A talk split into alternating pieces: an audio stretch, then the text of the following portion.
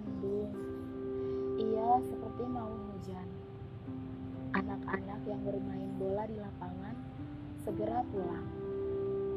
Mereka bersahut-sahut sambil tertawa. Hujan pun turun. Angin berhembus melewati wajahku. Suara rintikan air merdu menghibur telingaku. Aku telah disapa dan syahdu.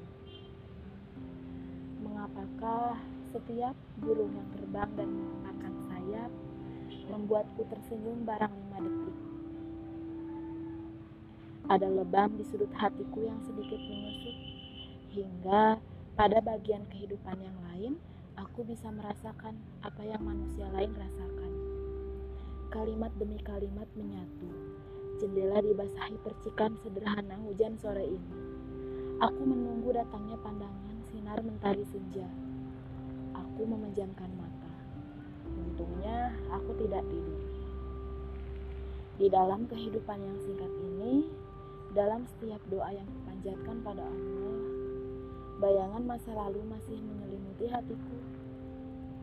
Wangi tanah saat hujan turun, wangi baju yang ibuku cuci, juga wangi parfum yang sering ibuku pakai.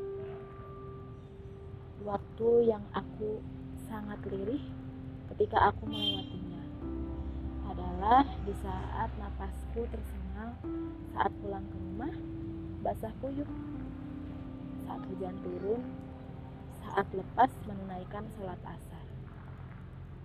Aku takut zolim pada diriku sendiri melewati hari tanpa mengingatmu melewati minggu padatnya pikiranku hanya untuk mencari ridhomu tidak ada yang bisa lengkap kuungkapkan lewat tulisan yang kutulis sebab gemuruh di dalam hatiku adalah isyarat dari berbagai keinginanku yang kutulis atas nama penghambaanku kepadanya. Tinta hitam atau merah atau biru lebih sering mengantarkanku untuk rela berpayah-payah mengan untuk rela berpayah-payah mengantongi dan menangisi yang telah lalu. Sebenarnya ia mampu, sebenarnya ia kuat, dan sebenarnya ia bisa. Dan sebenar-benarnya, yang lain mengetuk satu persatu momen apa yang telah terjadi di hidupku.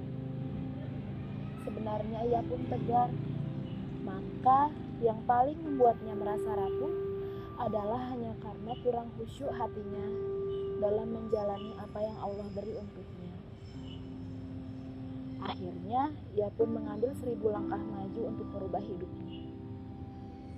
Aku bergegas meninggalkan senja.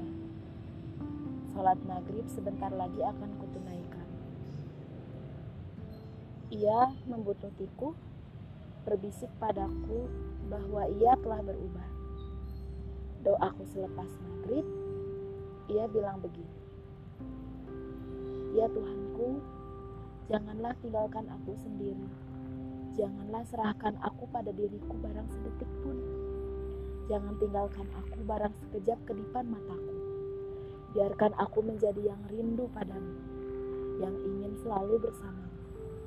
Karena hanya karenamu aku ada di sini, di dunia ini. Kemudian aku berterima kasih kepadanya kasih karena telah menjadi bagian hidupku. Menjadi bagian dari berbagai peristiwa yang kulalui. Wahai hatiku.